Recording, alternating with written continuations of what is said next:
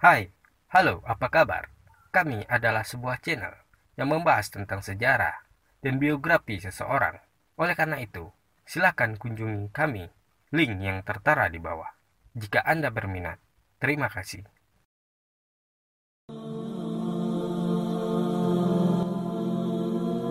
Assalamualaikum warahmatullahi wabarakatuh. Peristiwa sangat dramatis yang terjadi pada pertempuran Mu'tah menjadi bukti sejarah bahwa jumlah sedikit bukanlah awal dari kekalahan. Namun, keyakinan dan ketangkasan menjadi prioritas utama untuk menuju kemenangan.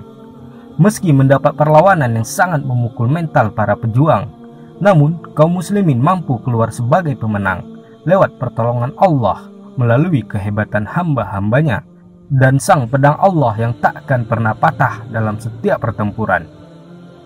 Dan inilah kelanjutan kisah sahabat mulia Khalid bin Walid. Khalid bin Walid.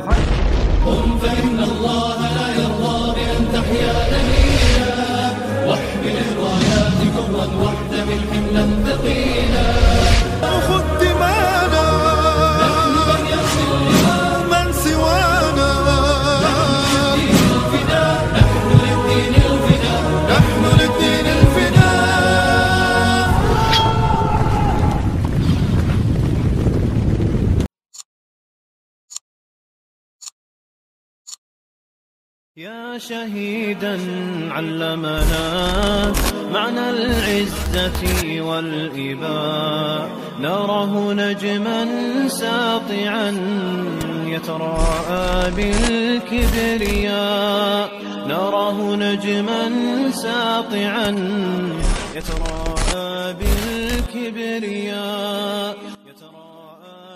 Seperti yang telah kita bahas sebelumnya, di mana pertempuran Mu'tah menjadi awal mula sebagai kekuatan tanpa batas, di mana 3.000 pasukan mampu memukul mundur pasukan lawan yang berjumlah 200.000 personil.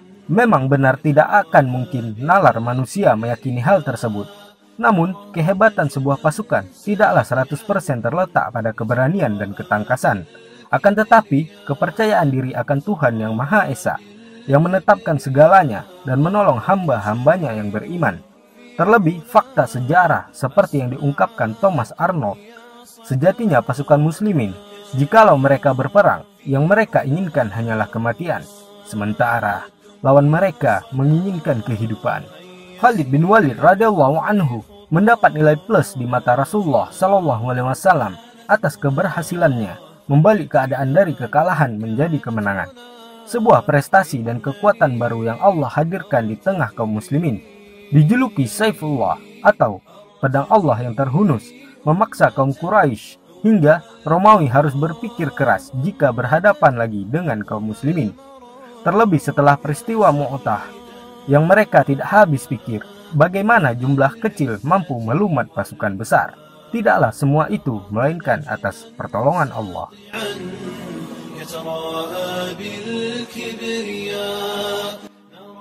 Kehebatan dalam mengamati lawannya dan gagah saat berhadapan menjadikan beliau hadir dalam setiap pertempuran.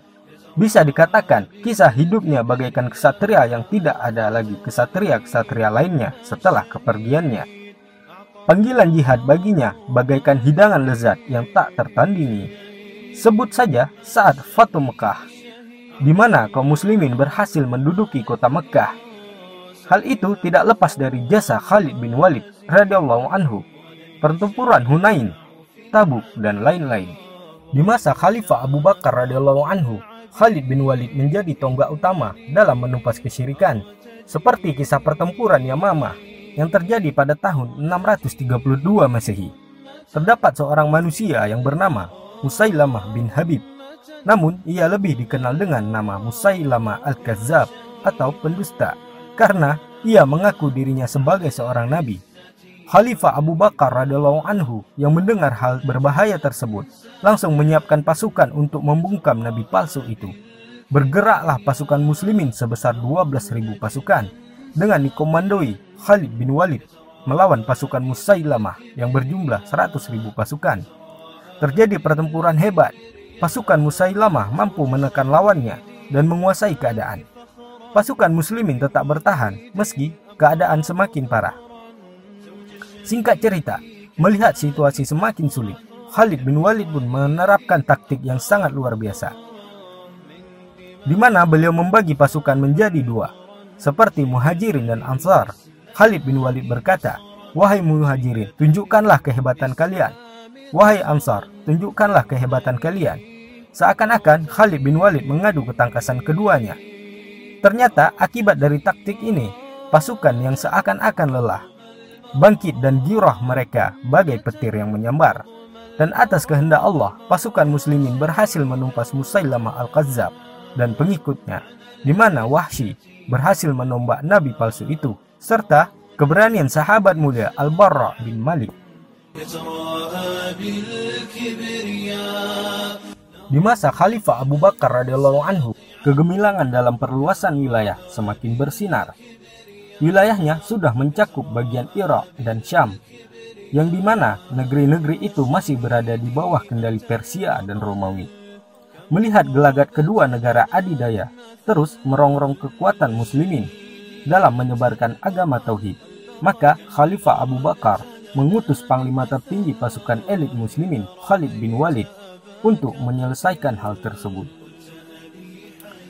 Terjadilah pertempuran yang sangat bersejarah yang dikenal dengan pertempuran Zatus Salasil atau Perang Rantai karena orang-orang Persia mengikatkan kaki mereka dengan rantai. Hal ini dilakukan panglima mereka Hurmus agar pasukannya tidak melarikan diri saat situasi pertempuran sudah kritis.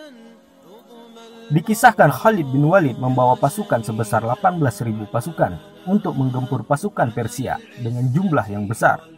Khalid membagi pasukan menjadi tiga, yang masing-masing dipimpin oleh Al-Musanna, Adi bin Hatim At-Ta'i dan Khalid bin Walid radallahu anhum ajma'in.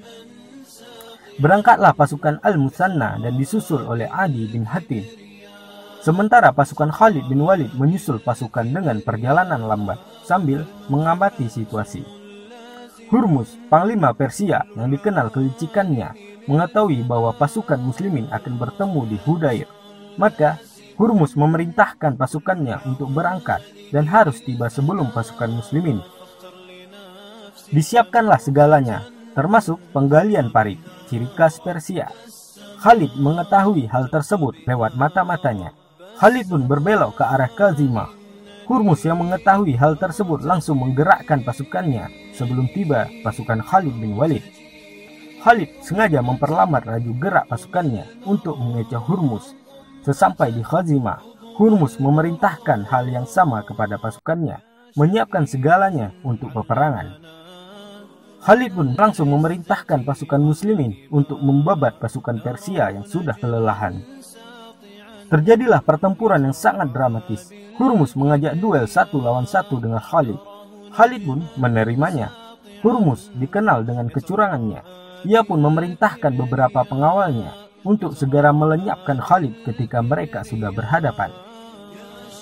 Terjadilah duel yang sangat heroik, dan ketika Hurmus berada dalam situasi sulit, Pengawalnya pun segera menuju Khalid, namun hal tersebut tidak berhasil karena Kokok berhasil mematahkan kecurangan mereka dan Khalid pun berhasil menumbangkan Hurmus dan pasukannya.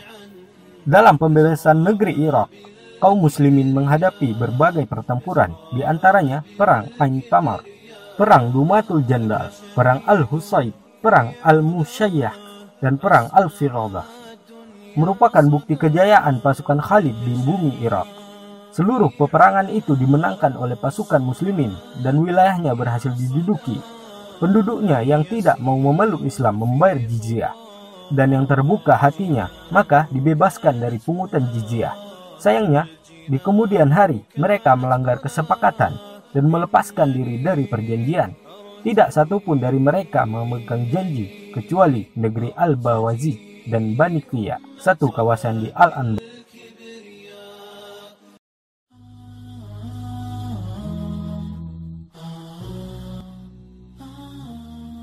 Banyak di antara kita salah memahami tentang sebutan pedang Allah yang terhunus. Banyak yang mengartikan bahwa Allah menurunkan pedang di langit dan diserahkan kepada Khalid bin Walid radhiyallahu anhu. Namun, hal ini terbantahkan oleh sejarah di mana saat pertempuran Yarmuk seorang panglima Romawi yang bernama Jos bin Tozira Saat hendak dimulainya pertarungan, Jos berhadapan dengan Khalid.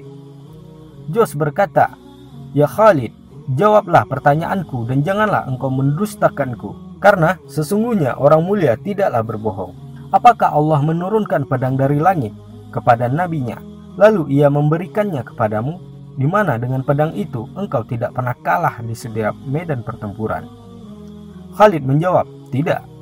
Jos berkata, lalu kenapa engkau disebut Saifullah atau pedang Allah? Khalid menjawab, sesungguhnya Allah subhanahu wa ta'ala mengutus seorang nabi di tengah-tengah kami. Lalu ia mendakwahkan kebenaran kepada kami. Di antara kami ada yang menerimanya dan ada pula yang menjauhinya serta memeranginya. Aku termasuk yang menjauhinya. Hingga Allah memberi kami hidayah dan kami pun mengikutinya. Lalu ia berkata kepadaku, Wahai Khalid, engkau adalah pedang di antara pedang-pedang Allah yang dihunuskan kepada orang musyrik. Lalu ia mendoakanku, maka aku pun menjadi orang yang paling keras permusuhannya terhadap orang musyrik. Setelah jawaban ini, Jos membenarkan pernyataan Khalid dan ia pun meminta kepada Khalid bin Walid untuk menuntunnya kepada Islam hingga Jos bin Tazira rahimahullah menjadi salah satu manusia yang tidak pernah sujud kepada Allah namun mendapatkan surga dengan kemuliaannya yakni syahid di jalan Allah. Selain itu, Mahan, pemimpin sayap kiri Romawi, ingin berdiskusi dengan Khalid. Saat berhadapan, Mahan mencoba mengejek dengan berkata, Aku tahu tujuan kalian keluar dari tanah air kalian karena kelaparan dan kemiskinan. Oleh karena itu, akan aku berikan setiap prajurit 10 dinar, lengkap dengan pakaian dan makanan. Seakan-akan menjatuhkan namun sang pedang Allah Khalid menjawab perkataan itu dengan tenang, tetapi menggetarkan jiwa lawannya. Sesungguhnya, bukanlah yang mengeluarkan kami dari negeri ini apa yang engkau sebutkan tadi. Tetapi, sebenarnya kami adalah sekelompok manusia peminum darah dan telah sampai berita kepada kami bahwa tidak ada darah yang lebih segar daripada darah kalian, bangsa Romawi. Untuk itulah kami datang ke sini. Mendengar jawaban itu, para sahabat Mahan berucap, "Demi Allah, ucapan tersebut baru pertama kali kita dengar dari bangsa Arab."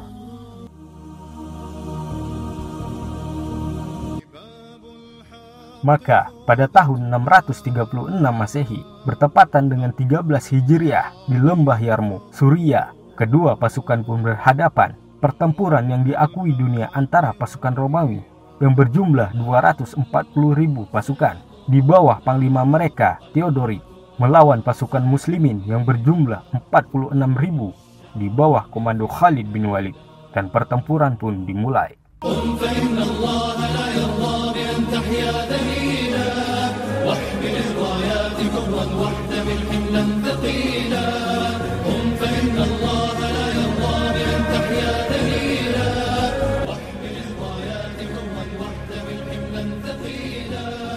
Khalid bin Walid yang saat awal sudah menyiapkan strategi dengan membagi-bagi pasukan menjadi 46 barisan yang di setiap barisan dipimpin oleh panglima masing-masing. Kemudian ia mengelompokkan pasukan-pasukan itu di jantung pasukan, sayap kanan dan sayap kiri. Jantung pasukan terdiri dari 15 batalion di bawah pimpinan Abu Ubaidah bin Al-Jarrah. Pasukan sayap kanan juga terdiri dari 15 batalion yang dipimpin oleh Amr bin Aus dan Surahbil bin Hasnah sebagai wakilnya. Demikian juga pasukan sayap kiri terdiri dari 15 batalion yang dipimpin oleh Yazid bin Abi Sufyan. Satu batalion lainnya berada di baris belakang. Batalion ini diizinkan bergerak bebas, tergantung kondisi perang. Pimpinan batalion akhir ini adalah Ikrimah bin Abi Jahal. Sementara Khalid bin Walid berada di jantung pasukan, memimpin mereka semua dari posisi tersebut. Tahukah Anda, di sini terjadi peristiwa hebat. Kala itu, Zubair bin Awam radhiyallahu anhu berkata kepada sahabatnya, "Siapa yang mau ikut denganku? Kita hancurkan posisi mereka." Maka ikutlah tiga orang bersamanya. Namun, setelah takbir awal dari permulaan pertempuran, Zubair bin Awam melesat bak singa yang menerkam mangsanya. Sementara sahabat lain hanya menyaksikan saja. Zubair dengan kegagahannya menerobos barisan awal hingga ujung pasukan Romawi, hingga beliau kembali ke barisan muslimin. Ahli sejarah mengatakan apa yang dilakukan Zubair bin Awam mengakibatkan pukulan mental pasukan Romawi. Bagaimana satu orang saja sudah membuat pasukan berantakan. Singkat cerita, pertarungan sengit pun terjadi di antara kedua belah pihak. Pasukan Romawi yang jumlahnya besar terus menekan pasukan muslimin hingga ke garis pertahanan. Semangat Romawi semakin menjadi-jadi ketika mereka berhasil mendobrak pertahanan pasukan muslimin seakan-akan kemenangan sudah di depan mata. Tiba-tiba mereka dikejutkan dengan pengepungan dari sayap muslimin dan dari pasukan belakang yang memang sudah dipersiapkan. Barulah mereka sadar bahwa mereka sudah masuk dalam perangkap Khalid bin Walid radhiyallahu anhu. Dan berkat pertolongan Allah Subhanahu wa taala, kaum muslimin pun memenangkan pertempuran yang memakan waktu kurang lebih enam hari. Meski demikian, air mata kecemburuan tak luput dari mereka, di mana banyak di antara sahabat mulia syahid di jalan Allah. Di antaranya adalah Ikrimah bin Abi Jahal, atau dijuluki Sang Singa Perang Yarmuk, seperti yang telah kita bahas di episode beliau. Sedangkan di pihak Romawi tak terhitung kerugian mereka. Salah seorang pasukan Khalid mengatakan, lebih dari 8.000 orang Romawi terperosok ke jurang, dan di antaranya terdapat panglima mereka, Theodoric.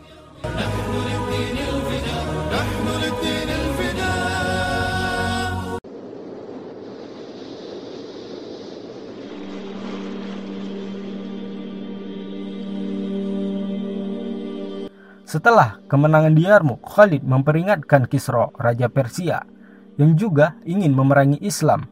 Khalid mengatakan, Masuk Islamlah, pasti kau selamat. Jika tidak, sungguh akan kukirimkan pasukan yang lebih mencintai kematian. Bagaimana kalian mencintai kehidupan? Saat membaca surat itu, Kisra merasa ciut. Ia mengirim utusan ke Kaisar Cina untuk meminta bantuan.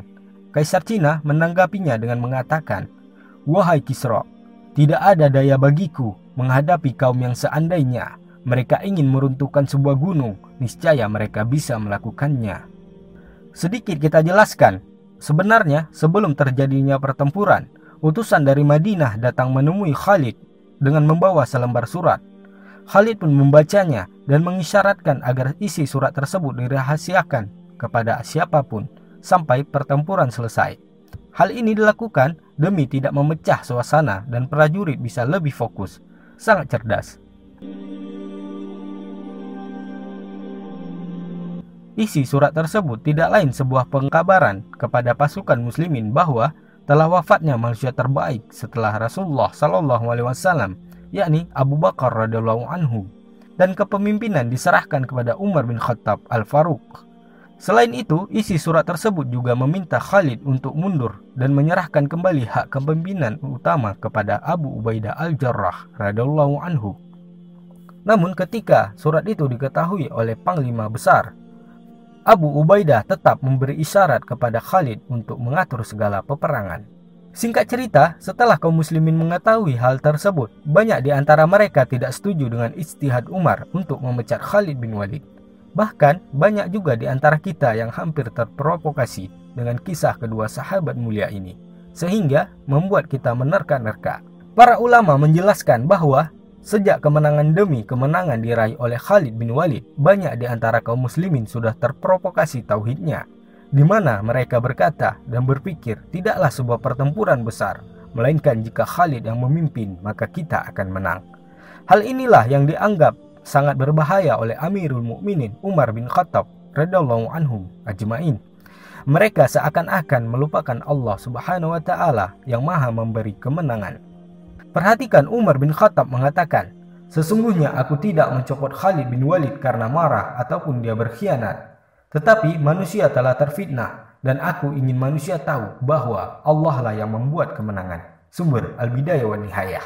Ada beberapa pendapat lain mengenai alasan pergantian Khalid bin Walid, yaitu karena sifat Khalid bin Walid yang sama-sama tegas dengan Umar bin Khattab. Sifat dasar Umar yang tegas perlu dikombinasikan dengan sifat lembut dan sifat hati-hati yang dimiliki oleh Abu Ubaidah bin Al-Jarrah. Sedangkan sifat Abu Bakar yang lembut dan hati-hati perlu dikombinasikan dengan sifat Khalid bin Walid yang tegas. Wallahu a'lam.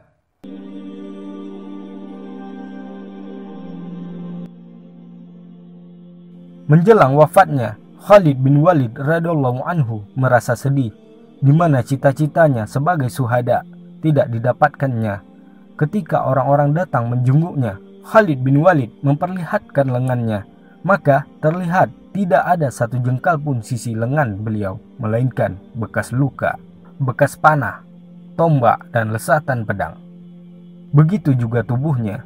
Beliau menangis karena merasa terhina, di mana tidaklah banyaknya peperangan muslimin, melainkan Khalid bin Walid ada di situ. Namun, Allah menakdirkan beliau wafat di atas kasurnya.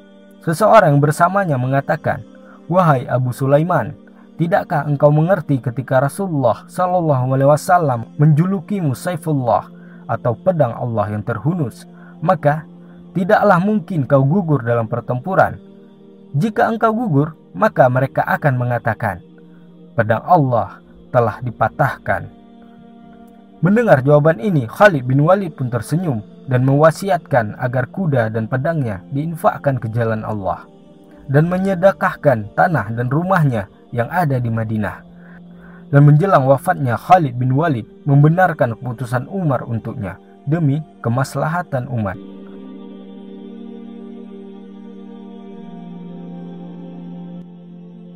Maka pada tahun 21 Hijriah bertepatan dengan 642 Masehi muslimin kehilangan manusia yang takkan ada lagi manusia sepertinya setelah wafatnya.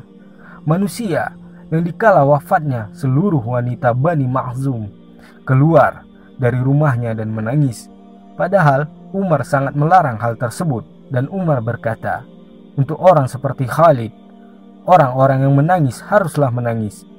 Seorang sahabat mulia yang dijuluki Saifullah atau sang pedang Allah yang terhunus seorang panglima yang dikenal dalam sejarah dunia, tak pernah kalah satu kali pun di medan pertempuran.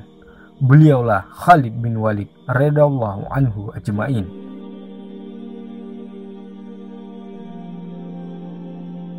Beliau pun wafat di Himso, salah satu kota di Suriah.